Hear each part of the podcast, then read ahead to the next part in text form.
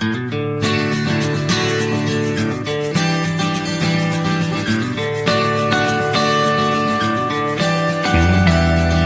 net na 9 op 'n donderdagoggend en dit beteken is tyd vir vreugde joy met my Bertha Leroux.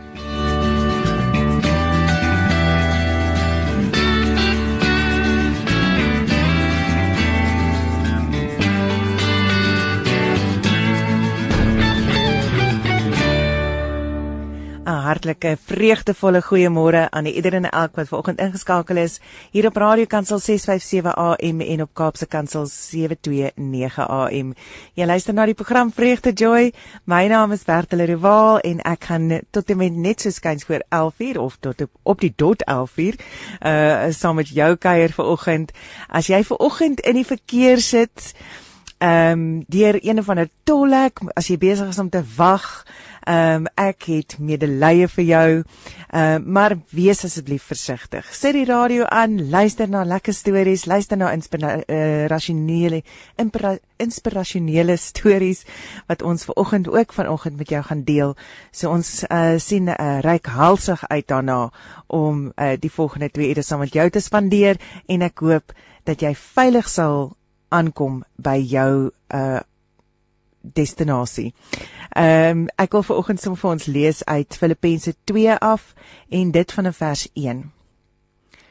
Aangesien julle die troos in Christus ondervind het, die aansporing deur die liefde, die gemeenskap deur die Gees, die innige meegevoel en meelewing, maak dan nou my blydskap volkome deur eengesind te wees, een in liefde, een van hart, een in strewe moet niks uit selfsug of eersug doen nie. Maar in nederig, nederheid moet die een die ander hoër ag as homself. Julle moenie net elkeen aan sy eie belange dink nie, maar ook aan die van ander. Dieselfde gesindheid moet in julle wees wat daar ook in Christus Jesus was. Hy wat in die gestalte van God was, het sy bestaan op die godgelyke wyse nie beskou as iets waaraan hy hom moes vasklem nie. Maar hy het homself verneder deur die gestalte van 'n slaaf aan te neem en aan mense gelyk te word. En toe hy as mens verskyn het, het hy homself verder verneder. Hy was gehoorsaam tot in die dood. Ja, die dood aan die kruis. Daarom het God hom ook tot die hoogste eer verhef en hom 'n naam gegee wat bo elke naam is, sodat in die naam van Jesus elkeen wat in die hemel en op die aarde en onder die aarde is, die knie sou buig en elke tong sou erken Jesus Christus is Here tot eer van God die Vader. Ek lees net tot daarso toe en dit is um met vers 11. En ek dink dit is iets waaroor ons kan nadink uh, in hierdie tyd wat ons almal weggaan op vakansie en wat ons seel moontlik in verkeerde bietjie gaan vassit en onthou net om 'n voorbeeld te stel.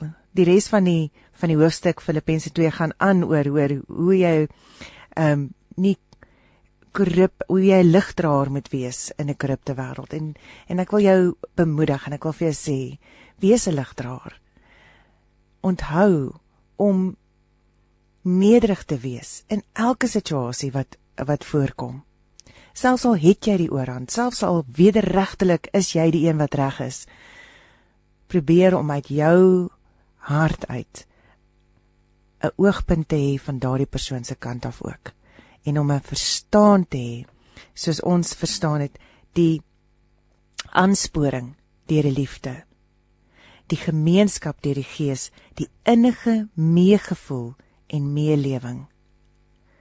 Maak dan nou my blydskap volkome deur eengesind te wees, een in liefde, een in hart, een in strewe, moet niks uit selfsug of eersug doen nie, maar in nederigheid moet die een die ander hoër ag as homself. So onthou net Jesus het in hierdie tyd dink ons daaraan. Ons so baie daaraan hoe Jesus sy lewe vir ons gegee het hoe hy aarde toe gekom het, hoe hy na ons toe gekom het en tussen ons kom lewe het, hoe hy ons geleer het van meegevoel, van nederigheid, van liefde, van gemeenskap, van aanvaarding van jou medemens. En hy het alles dit gedoen. Hy is hy was God gelyke. Hy is God. Hy was amazing daarbo in die hemel as jy nou dit sou kan stel. En dan kom hy en hy sê nee ek gaan nederig wees hierso tussen al my kinders hier op die aarde. En ek gaan vir hulle wys hoe ek graag wil hê hulle moet lewe. En ek dink dit is dit is wat belangrik is dat ons dit onthou dat Jesus vir ons gesterf het vir ons sondes maar ook dat hy hier tyd saam met ons spandeer het op aarde dat hy vir ons wysheid gegee het wat ons elke dag kan toepas op ons lewens. Hoe amazing, amazing is die Here nie. Ek wil jou bemoedig vandag en vir jou sê, as jy sit in 'n verkeersknoop, dan wees die lig in daai verkeersknoop. Sing vrolik, draai die radio oop, sit 'n gospel sang aan, want dit is tog waaroor ons gaan vir hierdie lang naweek. Ons gaan om Jesus se absolute amazing opoffering vir ons te vier. Dit is 'n geleentheid om saam met jou familie te wees. Dit is 'n geleentheid om weg te kom uit jou normale lewe uit en om om by jou familie en geliefdes bymekaar te kom of om as 'n gesin net weg te breek. Dit is daai geleentheid, maar onthou waarom Paasfees daar is. Onthou sy liefde en onthou sy opoffering vir jou. So daarom, as jy vandag in 'n verkeersknoop sit, loof en prys die Here. Jy hierdie tyd. Daar's 'n tyd vir jou en jy kan kies wat jy met daarmee gaan maak. Dit is so lekker om saam met jou te kuier vir oggend. Uh en uh vir oggend gaan ons 'n bietjie meer in Engels kuier. So ek hoop is reg met julle. Ons gaan 'n bietjie lekker saam met Pastor Aston Gaylord praat en hy is van die Grace. Uh o, goed. Uh nou dat ek wag, dat ek my papiere hier oop kry die hulle is van die The Grace Generation Church Recovery Center daarso in die Wesrand. Um en uh ja, it's like it's nice to meet you. It's nice to see you Pastor. Um how are you doing Aston? I'm very well. Thank you so much Bertha for having me on Radio Movement. I'm super excited and so blessed to be It's uh it's awesome to have you here. Um, so we seem to have a little bit of streaming problems with your uh, with your internet. I think maybe um, if we can go to rather do a phone call with him. I think sound wise it will be better. I'm going to tell you a little bit more about them. They are in uh, the in the West Rand in Ridderpoort and this is such an amazing recovery center because they really try to focus on the whole person. They don't uh, just uh, focus on the recovery process. They really want to send you home in a, a wonderful uh, state of mind and also uh, filled with uh, the love of Jesus. Um, it is open to any denomination. It's open to anyone. Actually, you don't have to be of the Christian based um, uh, denominations, but it's wonderful if you are uh, part, uh, if you will just join there um, for your recovery. Uh, they uh, do a recover, empower, release system. So it is normally a six months um, system that they do.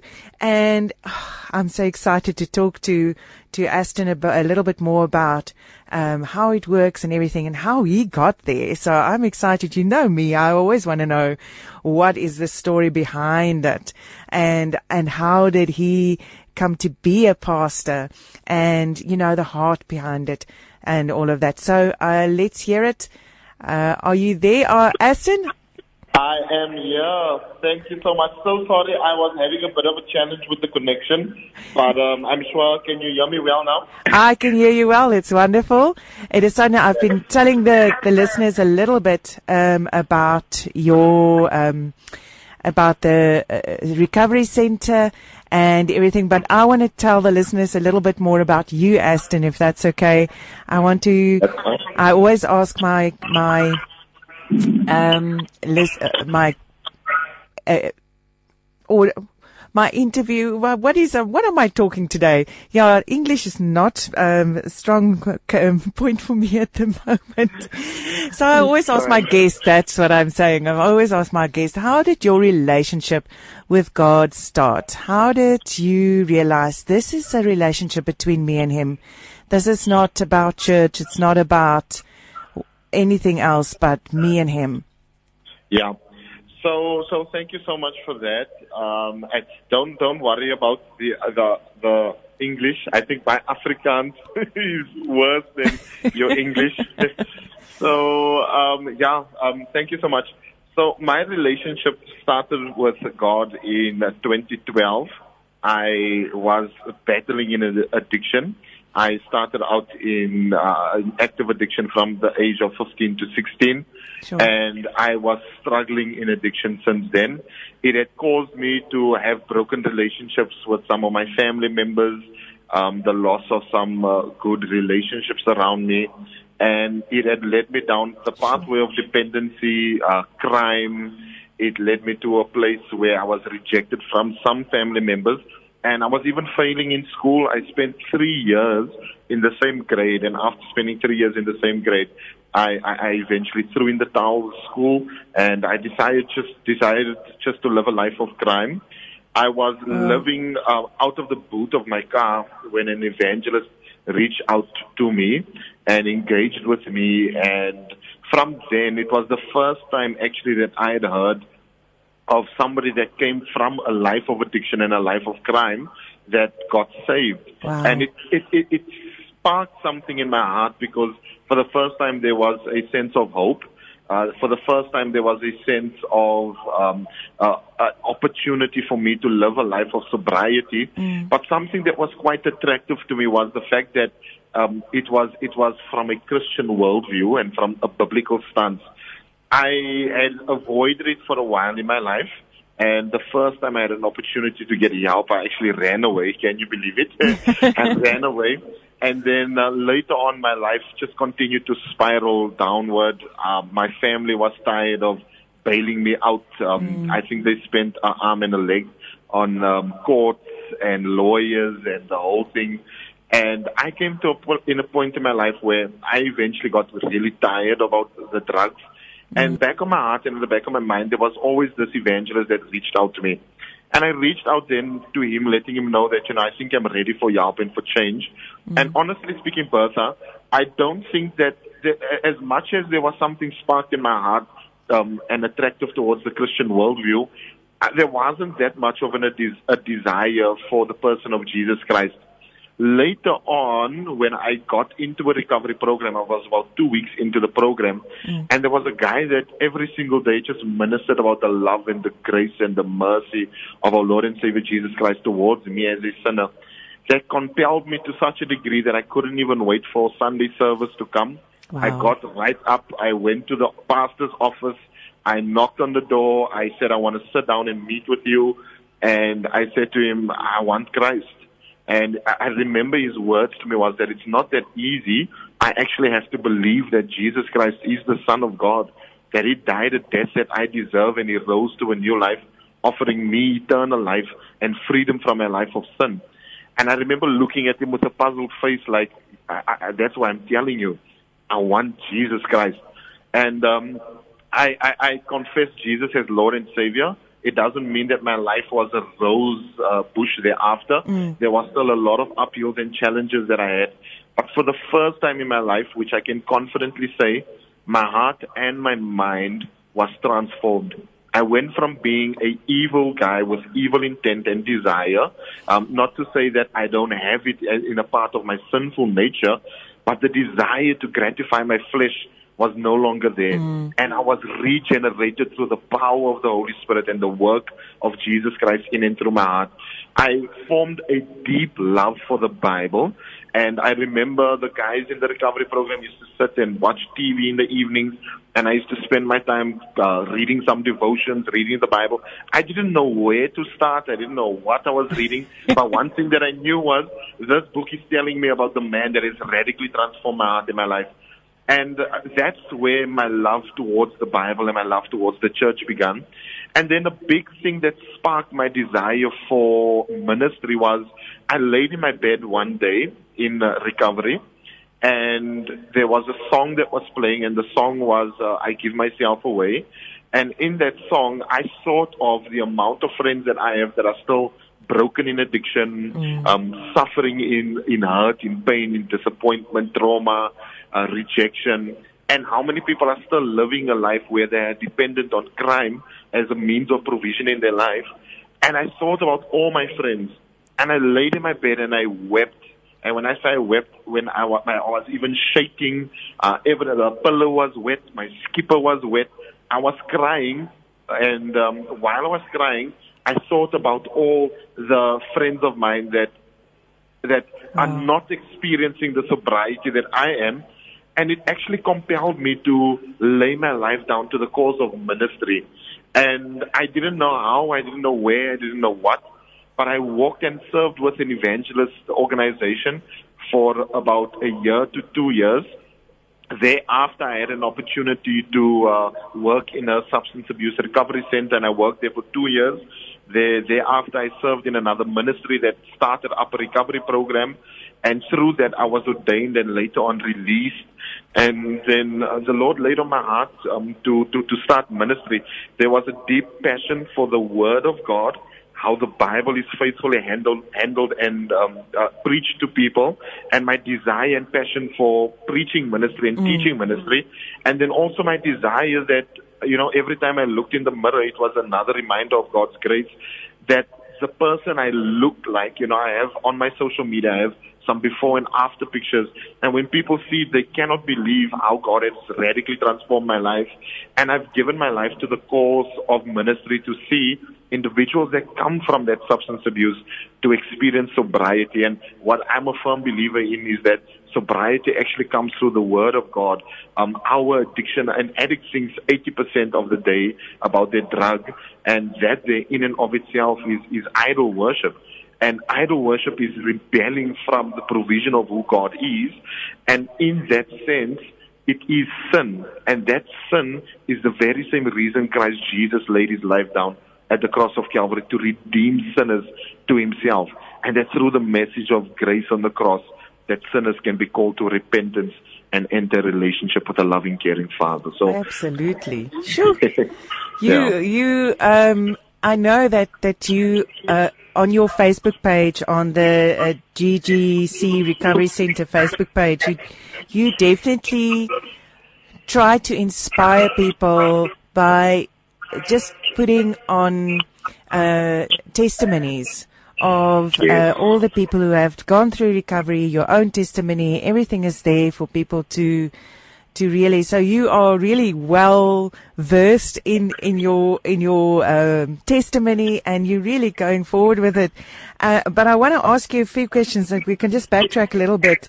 Um, when when you were approached by the evangelist, uh, and you were in that state of um, of dis- despondency, I think, at that stage, and really like yeah. nobody cared anymore about you. Nobody um, really wanted to have your back.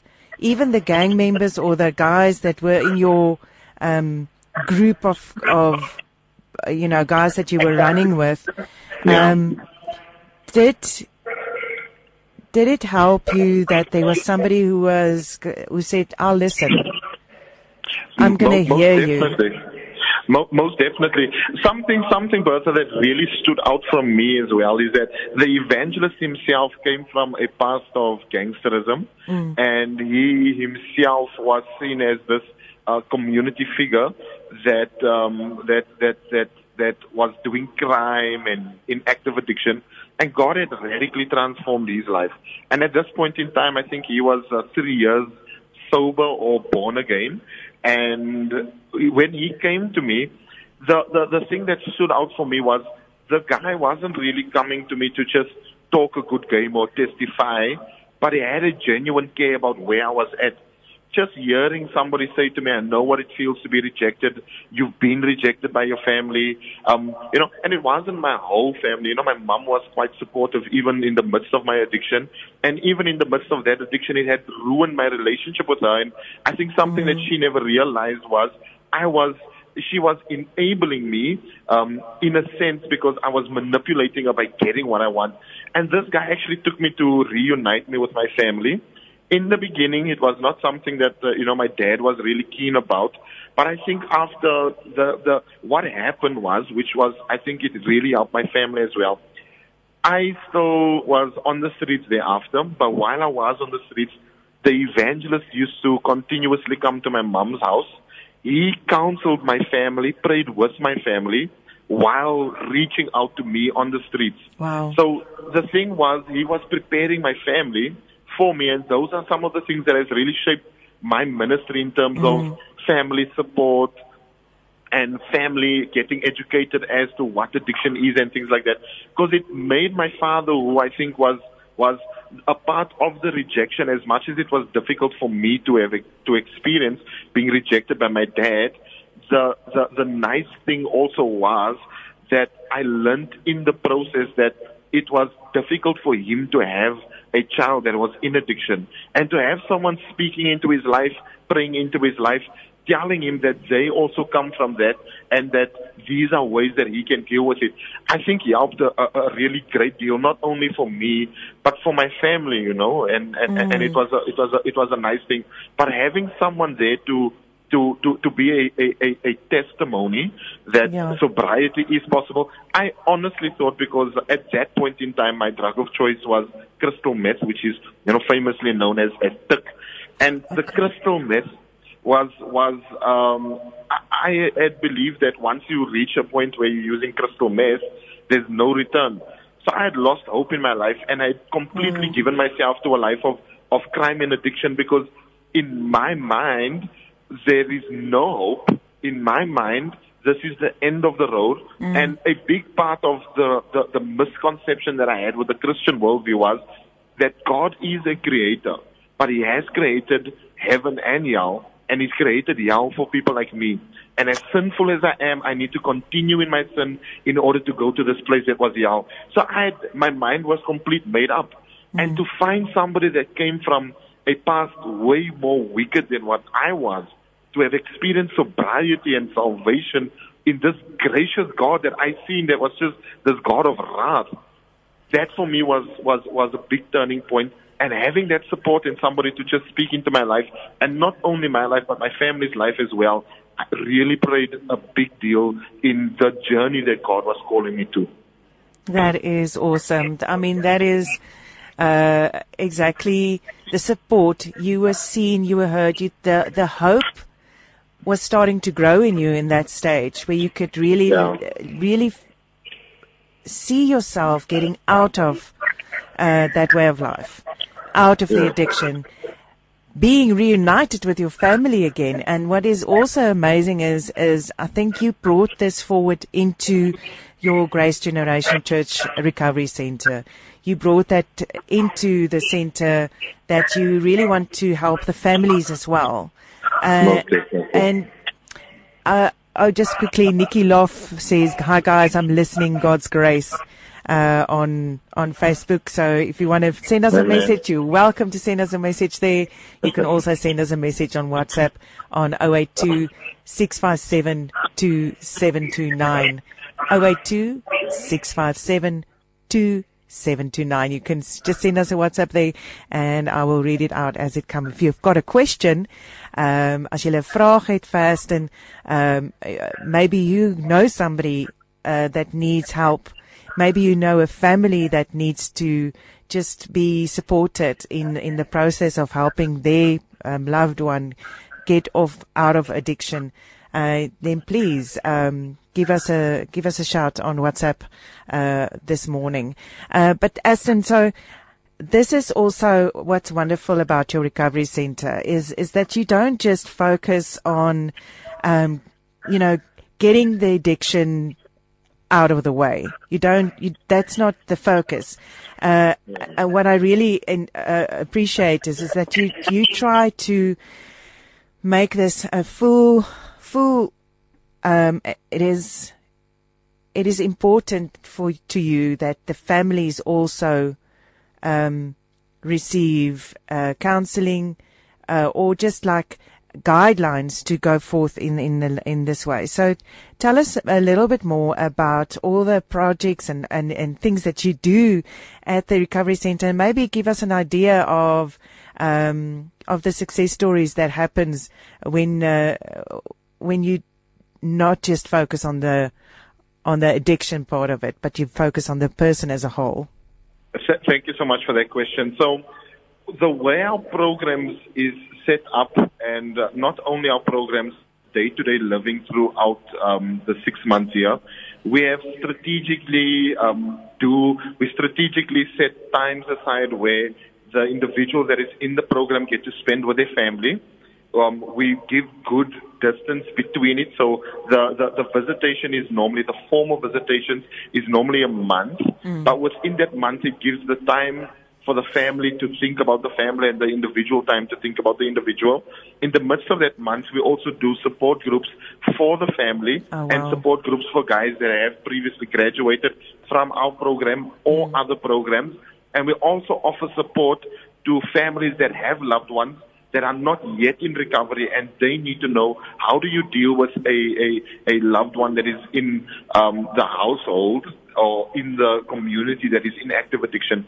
So the way the program is structured, we do everything from dealing with what addiction is from a biblical worldview. Mm. What does the Bible say about addiction? Where do we find that? How do we know that? And how does that relate to us?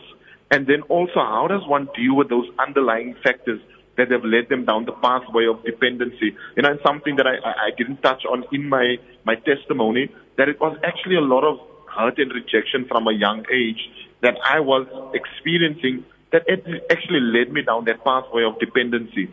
And a lot of the times I always tell people there's an amazing book, you know, for all the listeners. If you have a loved one that is in addiction and you really want a good book for you to see how can you engage. And I always tell people there's four aspects to evangelizing your family. Fight, flight, yield, and engage. But mm-hmm. we don't want to yield anymore. We don't want to flight we don't want to flee from it. We don't want to. We don't want to fight with them. But what we want to do is engage. And a good book is a good by, uh, a book by a guy named David Hain. It's called The Heart of an Addict. And in the David Hain's book, he does speak on how we shouldn't look at the side effects of addiction, um, the crime, the weight loss, yeah. um, the attitude, the aggression, the depression, and lose the heart of the addict. Because many times what families do is they're so disappointed because of the actions of the loved mm-hmm. one that they actually end up losing the loved one in the process. And some of the things that we do when we teach the families is we do sessions that, that, that, that covers what's the difference between supporting and enabling. And is there such a thing as love versus tough love? And how do we know the difference and when do we implement that? So we teach the guys how to recover from addiction from a biblical worldview and a practical day-to-day living. I always tell people the amazing thing about the Word of God is that Christ Jesus offers us a new life.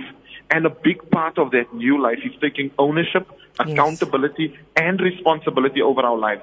Now, that is something that is much needed in the life of somebody that comes from substance abuse because they are so used to doing their own thing. They are so used to coming and going as they please. They are so used to, that you'll hear phrases and quotes as they will say, um, I buy my own drugs so nobody can tell me. They come from the loss of authority in their life. They come from the loss of accountability in their life. Mm. Now you take somebody that's rough, raw, rugged, comes from prison, comes from the streets, comes from broken homes, comes from hurt and disappointment, and you put all of them together in a facility for a period of six months it's quite a challenge. But our program is structured in a way that even our rules is set there to break that culture that they come from yes. and to instill a biblical worldview in them. So we walk that journey not only with the person in addiction, but with the family as well. Then a big part of our reintegration is um, We do personal goal setting for, with the guys. We are in the process of also seeing what type of skills it is that we can offer. We've had uh, individuals that have come from our programs that have managed to get back into the working environment. We have individuals that come from our program that have managed to get into uh, Bible college and things like that. Mm. We also do life coaching to get them to a position where they can maximize and make the best of every opportunity. We help them build uh, uh, good relationships. You know, what's the difference between a toxic relationship and a healthy relationship? So all of the things that we teach, it, it counter attacks the culture that they come from, from addiction. And the big points that we use is the biblical worldview and coaching strategies that helps implement long lasting change in the hearts and the lives of people that come from addiction. Not only for them, but yes. also for their loved ones. And I think it's it's such an yeah. amazing it's a, such an amazing concept to just really bring in the family as well. And uh, something I just want to reverse a little bit again um, the, to something that you said that you know the families must know the difference between enabling and supporting, and and that is that is a big thing. Um, I think uh, that people are struggling with, uh, and I I would really just love it if you can give just a little bit of an idea of what that looks like. What is the difference between enabling a person and supporting them? Super. So so so a lot of families, and this year goes, it's, it's for the, the family that has someone that's in addiction. It's for the family that has someone that's in a recovery program and it's for the family that has somebody that has graduated from a recovery program and is reintegrated. This is a lesson they all need to know. Mm. Because I'll give a personal story from my side and a couple of examples of people that I've worked with. So, yes. from my side, I remember there was a time when um, my dad no longer wanted me in the home. So as a result, I was on the streets. And with that, I used to manipulate my mother. So what I even done, and this is terrible, I even went to a degree of making the, the I was making the, my car's tires flat so that I could find a way to contact my mom so my mom could come and see what I look like and see the state of my vehicle. And I would throw this pity party. And I would tell her, um, yeah, nobody loves me and look oh how gosh. much love yeah, and I would throw this pity party and she would feel me sorry and she would give me petrol money and she would give me money for me to go eat and, and money for me to go sleep somewhere without her realizing that all I wanted to do with all of what she was giving me was go and use. Because mm-hmm. I, all I was concerned about was feeding my addiction. Now, my mother loves me and of she course. cares about me. However, what she didn't realize at that particular point in time was I did not need money. I did not need um, her to come there to see what I looked like. I needed somebody to be a little bit more stern with me. So something that did actually play in the favor, in my favor was the fact that my dad um, didn't want me at home anymore. And I know it must be a difficult one and a lot of families must be thinking, oh, what's so gracious and caring about that? Well, truth of the matter is, because of the state I was in, if the evangelist had reached out to me and I hadn't experienced rock bottom, yeah. I probably wouldn't have jumped for the opportunity. Now, that is an important point, reason being, a lot of the times people, if they haven't reached rock bottom, the families just enable them. The families just feed into that addiction. And somebody that comes from addiction is manipulative. Now, what I'm not saying is that the families have to just reject a loved one in addiction. That is not what I'm saying. There is a mm. way to have difficult conversations. There's a way to evangelize them. There's a way to engage with them. And we teach families how to have that difficult conversations. When do you lock the door of your home? When do you ask them to leave? When do you give them an ultimatum? And sometimes those are some of the greatest blessings that you can do to a loved one is through grace tell them, you are my child. I love you. I care for you. I do notice that your addiction is getting the best of you. And with it getting the best of you, it's also getting the best of the family. And however, we would love for you to get help, but if you're not going to get that help because of you stealing from the home, coming in late at night, you're going to have to find somewhere else to stay. Mm. That doesn't mean that you don't love your loved one. You just acknowledging the fact that they are going through some things right now, and them being in the home is just going to enable them. Because you'll find families that say, every time I open up my doors to them, they steal from me. They'll steal the granny's money. They will steal from the parents. Yeah. They will they will take the scrap metal out of the yard. They will steal the car. They will do that because when somebody is under the influence of, of, of, of addiction or, or the narcotic, they're not in the right frame of mind. Yeah, there's no consequences. example- yeah, there is consequences and there's side effects. Mm. And the best way I can I can describe it is if I take sleeping tablets at night, the sleeping tablet is going to do what it needs to do is make me sleep. Mm. Which means if I decide I want to sit up and maybe binge watch Netflix, I'm not going to be able to do that because why? I've just taken sleeping tablets and the sleeping tablets is doing what it needs to do. The same way, somebody that is in active addiction, the drug is going to do and produce in them exactly what it's made to do. It's going to bring destruction. It's going to bring aggression. All of those things. Now you're opening your door as a family member to a loved one and you're bringing that culture and that nature into your family. And that person at that point in time, as much as they want to stay awake and watch Netflix, guess what?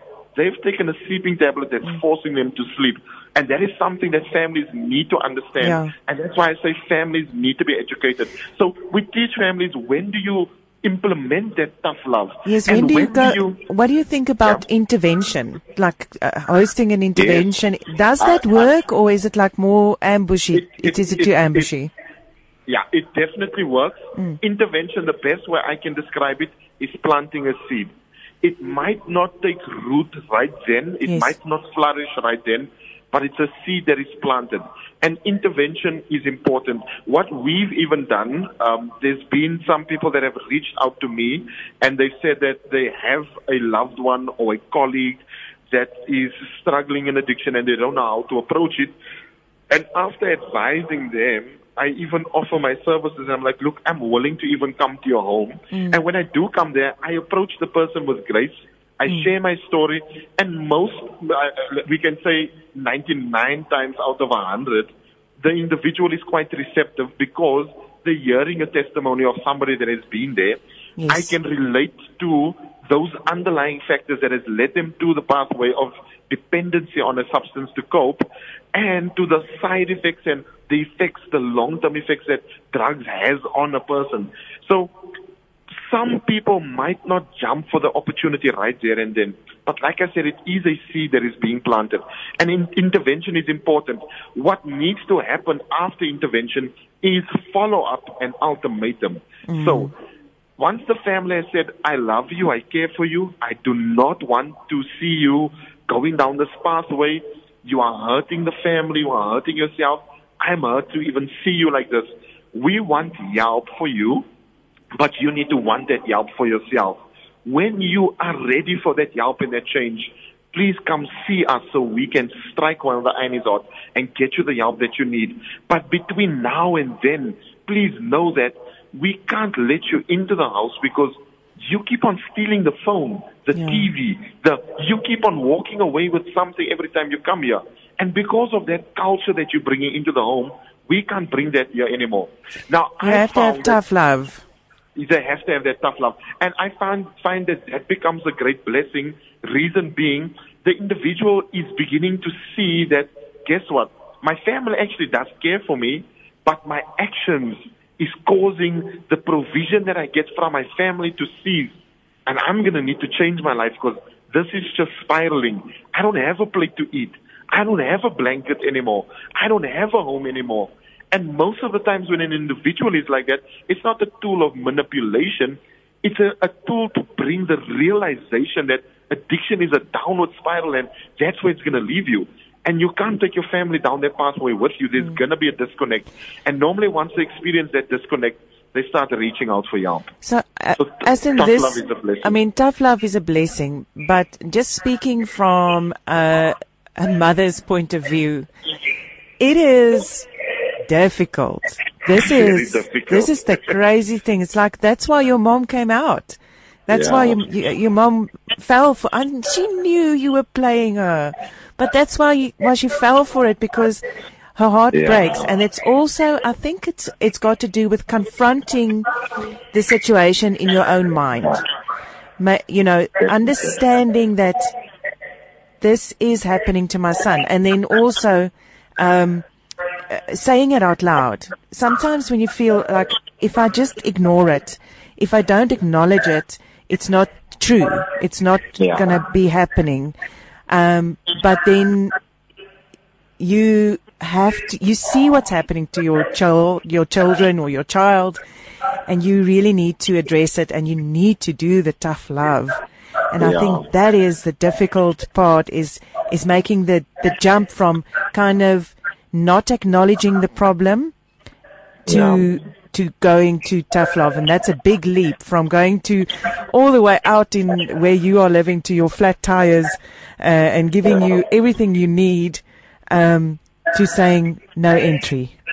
No, yeah. How do you, how do you make that jump? How do you see that Yeah. easier? So, so, so, so an important thing that we, and th- this is the reason why we do, we offer support groups to families that have loved ones that is in active addiction, is because the family is going to need support. A mom is going to need to be counseled through that journey. It's difficult for any parent to see their child going through an addiction or to see, or it's difficult for a parent to see their child in any what challenge for that matter. And family need to have the love and the care from the church. And I believe that's where the gospel message also becomes evident in their life. So I mean, as much as we, uh, uh, as much as we love and we care for our loved ones, another big thing that we need to acknowledge is that under the word of God, all of us are sinners. The Bible teaches us that we are all sinners. We've all rebelled from the from from the provision of God. Um, we deny, we suppress the truth of God, and we exchange it for a lie. We deny the existence of God. All of those things that speaks of the sinful nature of an individual. Now, where does the grace and the comfort come in? Is that God is willing to step into a world of hurt and pain willing to even suffer under the hand of his own creation in order to redeem them to himself. Now, that is the most beautiful message to share with a mother that is going through hurt and pain. Yeah. Is to know that in the midst of that, she can find comfort and hope in the redemptive story of Christ Jesus. Mm. And we as a church actually care and we are here to counsel them, to walk with them, to coach them, to guide them, and to even be ready for them to do that intervention once the child is in that position. One thing I always tell the families is the thing that you need to do the most for your children is pray. You need to bring your kids before the Lord in a petition of prayer, coming before the Father, acknowledging that you need God intervene, His divine intervention in a way in which we can't on our own, and to allow God through His sovereignty to soften the heart of a sinner and ultimately call them through the work of the Holy Spirit to repent. You know? Yes, yes. So it is it is a difficult one. And the thing that does give hope is the message of the cross. And it's not that we present the message of Christ as come to Jesus because you are hurt or painful. It's a message of we acknowledge that the world is full of sin. And the one that we need to come to is the one that has dealt with sin. Yes. So in order to deal with sin, we need to find the one that has dealt with sin. And that's why I believe that the Christian worldview is the best solution to so many aspects on how do we help families in addiction. Amen. And um, and it's also a very important. It's, it's so good that you provide that for the families um, because, in a sense, they are also almost uh, addicted to being the enablers. Am, am I saying, you know, because that is, it is not great. It's not great. It's awful, but Yeah.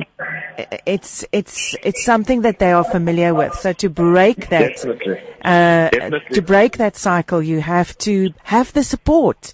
You have to have like a, a, a- person you can call if you want to go to your son or your daughter who's in the street and uh, you can call them and say, listen, I want to go to them, but I've told them that, that I can't see them in this way. Yeah. So you need to have the support.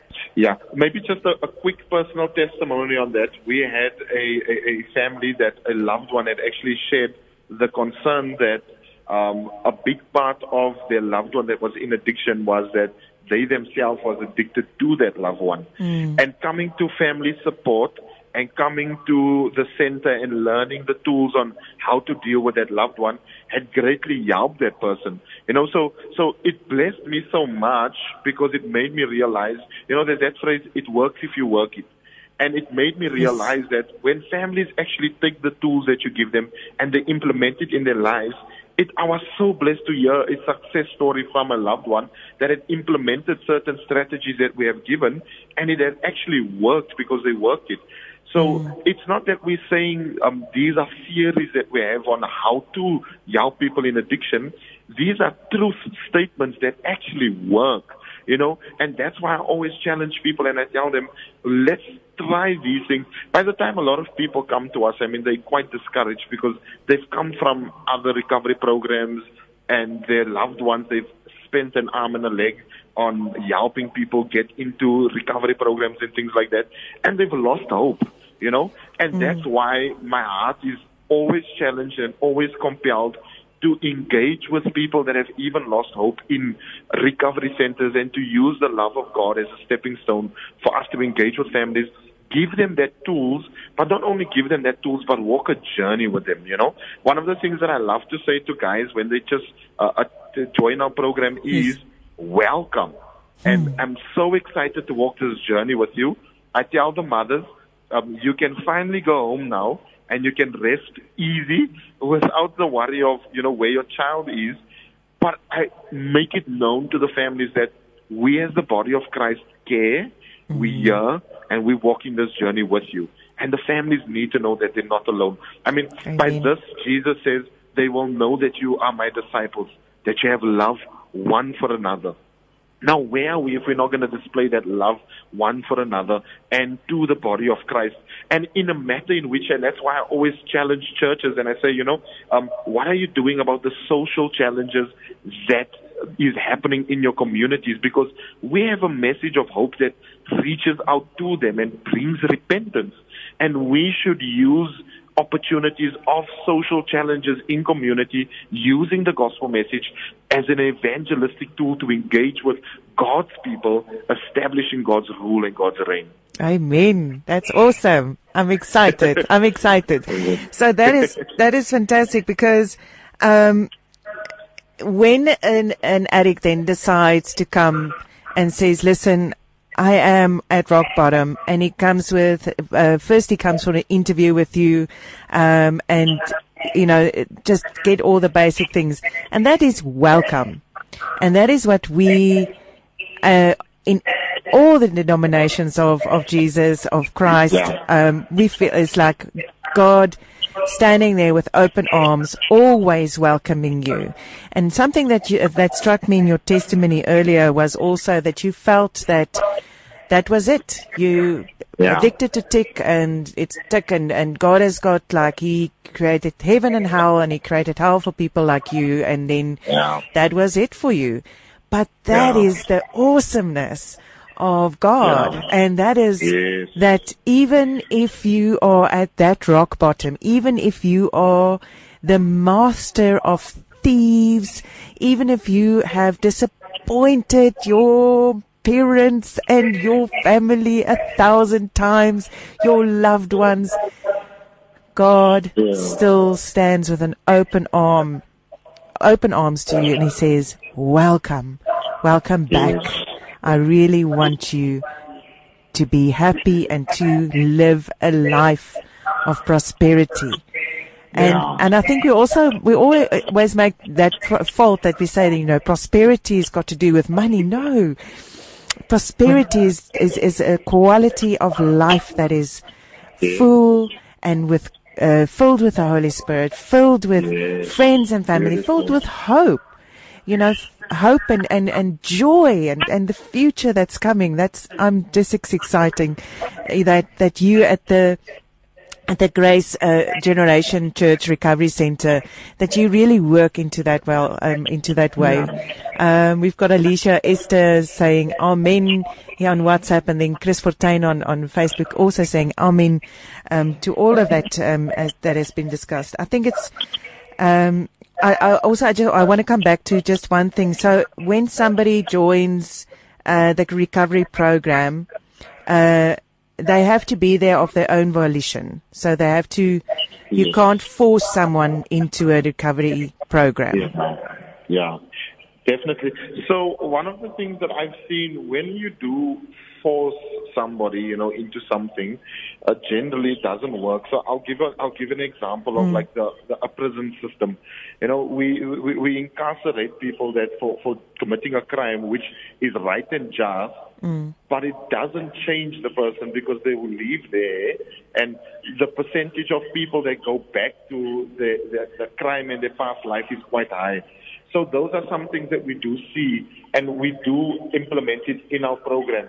Because we also have a working program, so the guys are given duties to do throughout the day. It mm. keeps them active and things like that. What we mm. find is if somebody doesn't want to be here, they won't really cooperate. So it makes the living condition for so many people is so miserable mm. and it makes it difficult to engage with somebody that is bitter and closed. They're not like an open book. But once somebody really is ready and they want help and they want change, I already say to people that that's already where it starts.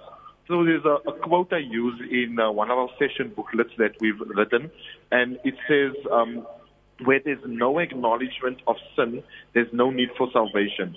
Sure. And that can also be applied to a loved one where there's no acknowledge of the fact that they're in a position that they need help. Um, there's no, there's, there's not going to be a need for help. And something that I always tell um, families is that the first step to sobriety, um, which even you know you'll find like in your NA and things like that, your 12 steps, is to admit that you have a problem.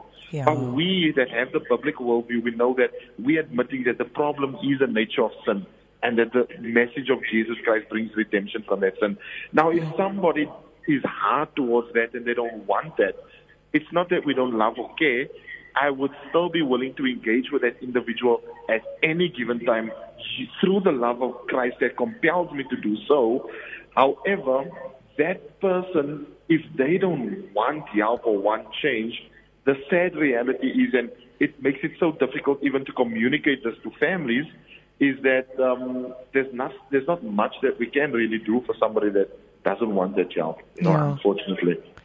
No, definitely. I think it is important that they want to be there, but it is important to always uh, honor every attempt that an addict makes to to become clean.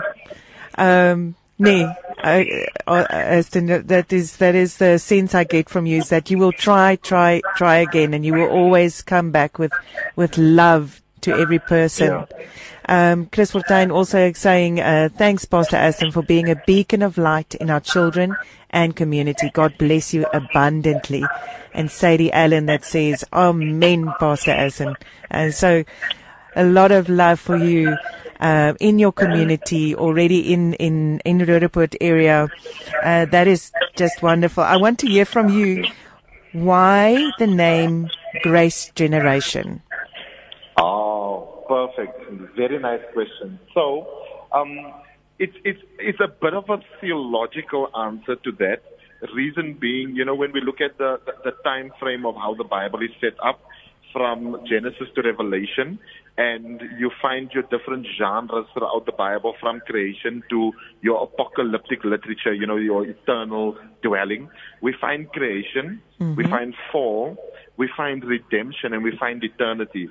And we, while we are waiting for the second coming of Christ, we're mm. waiting for the rapture. We are, we are, the, the theological phrase is called now and not yet.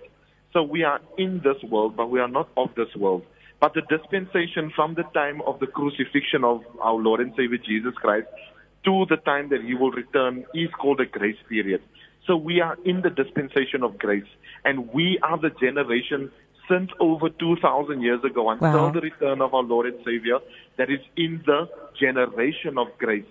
And that's why we call it Grace Generation Church and Grace Generation Recovery Center, is because we are in the dispensation that Christ has come to establish the love of God on earth, and we are called to deny ourselves, pick up our crosses, and follow Him.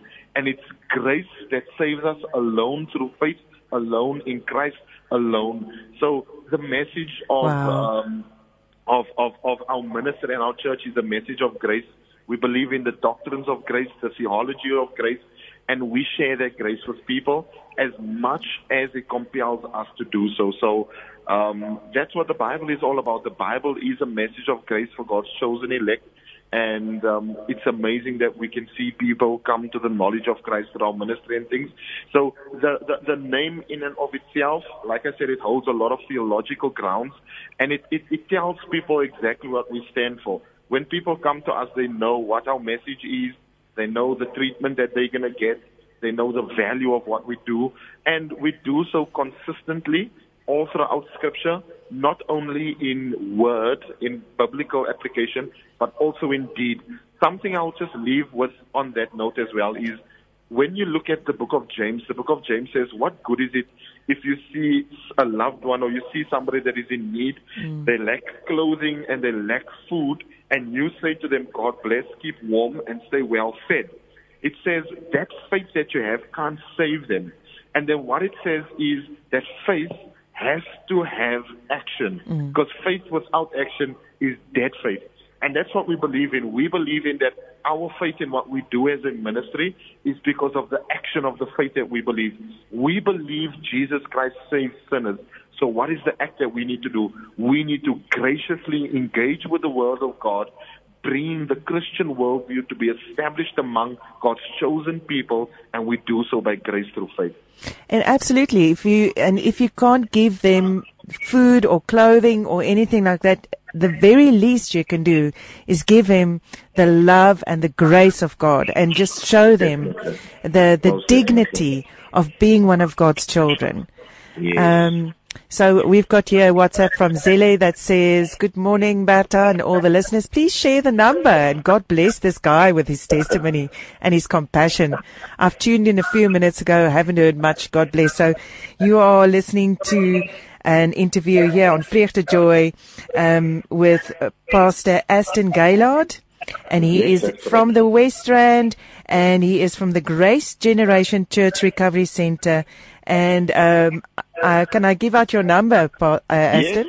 please okay, do, awesome. Here it goes. I'm, I'll give it out just now, now again, but first now it is zero six four two eight nine four two five nine. Is that the right one? Can I just give the that that's an old number? Oh Can my goodness, that's the old yeah, one. sorry That's sorry, that was in the your one. information booklet. I've got the right one here. Let me just get one that here That- that I've been talking to you um, on. Uh, there we go. Here it goes. So it is 067. So scratch the previous number, guys. This Yes, one is 067 798 6283. One hundred percent, yeah. 067 798 6283. So that is the guy that you will call. It's Pastor Aston Gaillard, and he is there from the uh, Grace Generation Church Recovery Center. Um, Yes. Yeah, we also have Kim Leon saying, as a family, I've witnessed Pastor Aston's love and commit and commitment um, to all struggling in the area of substance abuse. Glory to God. Um, Hierso is 'n ma Nora Labeskagni. She says, gaan in Afrikaans leer, but just say if you could understand. Um my seun is nou die 5de keer terug in rehab en as hy uitkom dan het ons niemand wat ons help nie. Ek het um nodig ook counselling want hy het left and right and center besteel en ek vra die meneer se kontak details. Ek vertrou nie meer my seun nie. Dit is 'n swaar saak. That is a difficult stage to be at where he's you're you You've been through recovery, you've been through rehab five times, and still you can't trust them. That is a big uh, thing. How do, and, and you still keep on supporting the people even after the recovery is done. Yeah. Yeah. So, so, so, so, so again, another one is that's why we offer those support groups to families so that we can educate the families with that culture of addiction and the culture of sobriety so that they can understand, you know, what is some of the red flags when somebody comes out of recovery? What is the do's? What is the don'ts? Where do they go? Where do they not go? How do they transition from those things? You know. So um, please do for the for, for, the lady that sent through the message. Uh, her name again? Sorry. I'm um, sorry. It is Nora Labiskachny. Uh, so so so for uh, Nora, if she can contact me and find out where our support groups are. If she cannot come here, then by all means, we could even do a, a Zoom session or anything alike so that I can engage with her and give her the support and, and as much information as she needs. And also, when uh, a son does come out of recovery, then, um, you know, we are more than happy to join with them. We've got a guy who is a previous graduate at our recovery center. His name's uh, Melvin, mm-hmm. and he runs our Tuesday evening sessions and that sessions are for people that comes from uh, uh, uh, another recovery program and find themselves back in the communities and things like that. So we do tailor-made sessions even for individuals that find themselves in that and tailor-made sessions for families that find themselves exactly where she is. That's fantastic. That is just um, wonderful. So they, it's, I'm just excited. I'm excited about Grace Generation Church Recovery Center. I'm excited about the name. Woohoo! Everything is so cool. Um, and I'm excited that, that you are really trying to, to look at, um, the people with addiction as just God's children and that you want to inspire them, uh, to, to be, to come onto the right, um, path again. There's daily Bible devotions, there's counseling, uh, there's redemption from addiction course, there's a course that you actually do. There's daily gym as well. So tell me a little bit more about the daily gym. Why did you ex- uh, decide to do that? Um, so, so, so one thing that I've noticed when the guys do come off drugs, it takes them a month to two months and they gain so much weight. Mm. and um, I, my, I myself am guilty. I've been gaining weight since 2012. And um, one of the things that does keep their mind active is gymming every day. Also, it does give them a good sense of appreciation for the life and the body that God has given them. You know, we, we, we, we, we, we love God with all that we are. And we do know that we are the dwelling place of God. And the Bible has such a lot to do with looking after the body. You know, Paul says to Timothy, um, training of the body benefits a little. However, training in godliness trains, um, re, um, benefits all the more. So he does make mention that that physical training does have some sort of benefit. Mm-hmm even though training in godliness benefits all the more. And it gives them something to do every day. It gives them something to look forward to, yes. enjoying a new life. When people find the reason to want to be sober, mm. they're going to have another reason to not go back to their past life.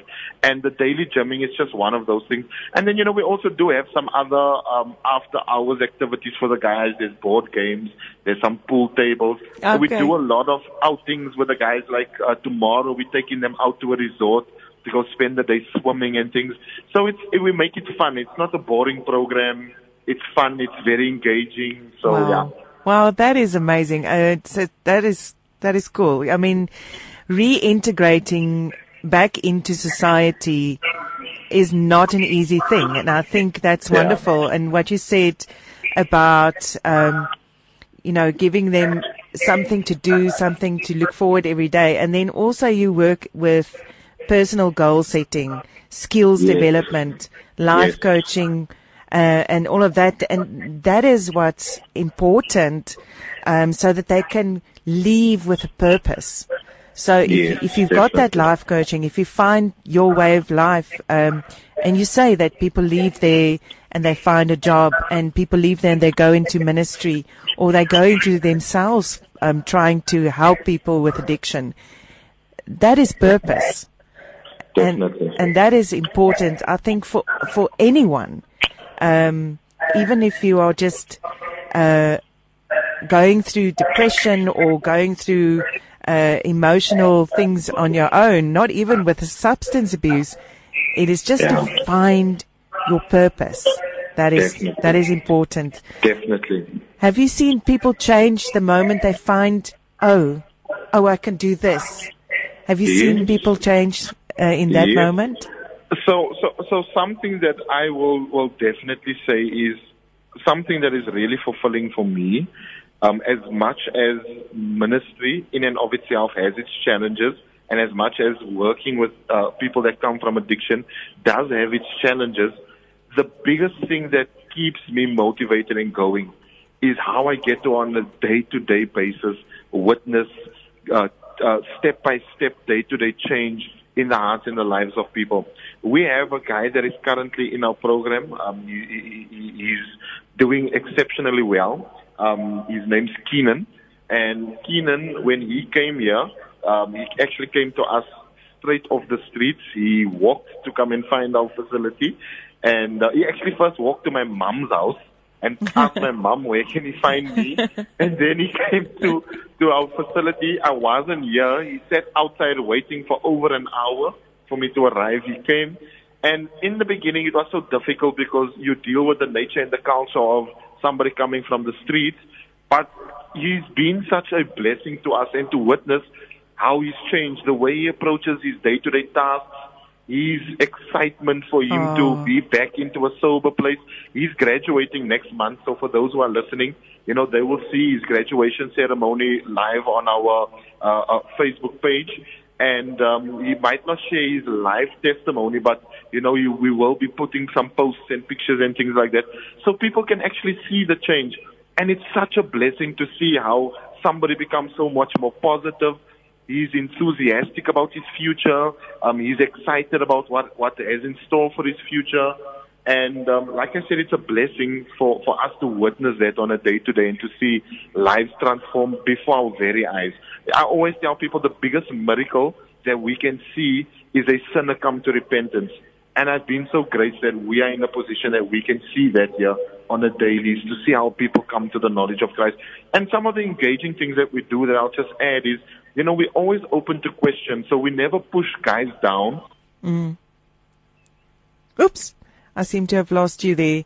Um, you never push guys down, and and that is that is also amazing. So. I want to give you as a listener just a chance to um, to hear. Uh, this is the Grace Generation Church Recovery Center in the West Rand. It is run by Pastor Aston Gaillard, and um, there's so many, so much love for you on Facebook. Uh, Sadie Allen saying you are appreciated, my pastor from Claudia. Um, King Leon saying you will always be truthful to pastor and his amazing team. Uh, and uh, yes, that is that is amazing. And then Elise, uh, did we say something about open your eyes in um, uh, the the scripture in Romans that says open your eyes? Um, ooh, Oh. off, off, off my head now. I'm not No, so I can't also now remember now. Yeah. But I think we are now at the end of our. Can you believe our time is up? This is insane. Yeah. We're gonna, we're definitely gonna do this again. Uh, yes, I um, would love that. We've got uh, Ms. Ray Israel also saying, "Thank you, Pastor Ashton. Uh, truly a blessing in our family, in and our community. Um, it is so wonderful to have spoken to you to, to this morning. I want to give the lit- listeners an idea of where they can find you. Uh, if you give him a, a, a call on, on the number, I will give the number out now. So get your phone number, your phone fingers ready. But otherwise, you can go to Facebook, and on their Facebook page, it is called GGC Recovery Center and and uh, so it's a, a capital G G C Recovery Center. You can go and just uh, type that in into the search bar, and you'll find it, uh, and you'll find this uh, um, Pastor Aston Gaillard there. Um, and all of the the testimonies are also on there. If you want to, you know, have some as jy as 'n bietjie moed by mekaar wil skraap. Um, if you want to have some inspiration, then you can go and have a look at all those testimonies. Um, so let me just give the number to you guys. It is 067 798 6283. 067 798 6283. Uh, and it's, uh, of course, all of that information is just there on the Facebook page. So if you are ride, driving in your car, don't stop, don't write and, and just go Grace Generation Church Recovery Center GGC. So um uh, Recovery Center and you can go and and find out more about that there.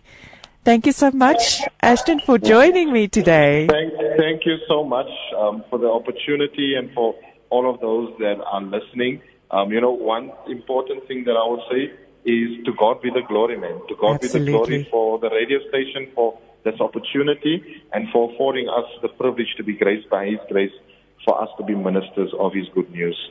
Absolutely. And also, if you go to the Facebook page, you will also see ways that you can help the Grace um, Generation Recovery Center. You can see uh, they've got a list there of things that, that they are in need of and then also that you can help them with.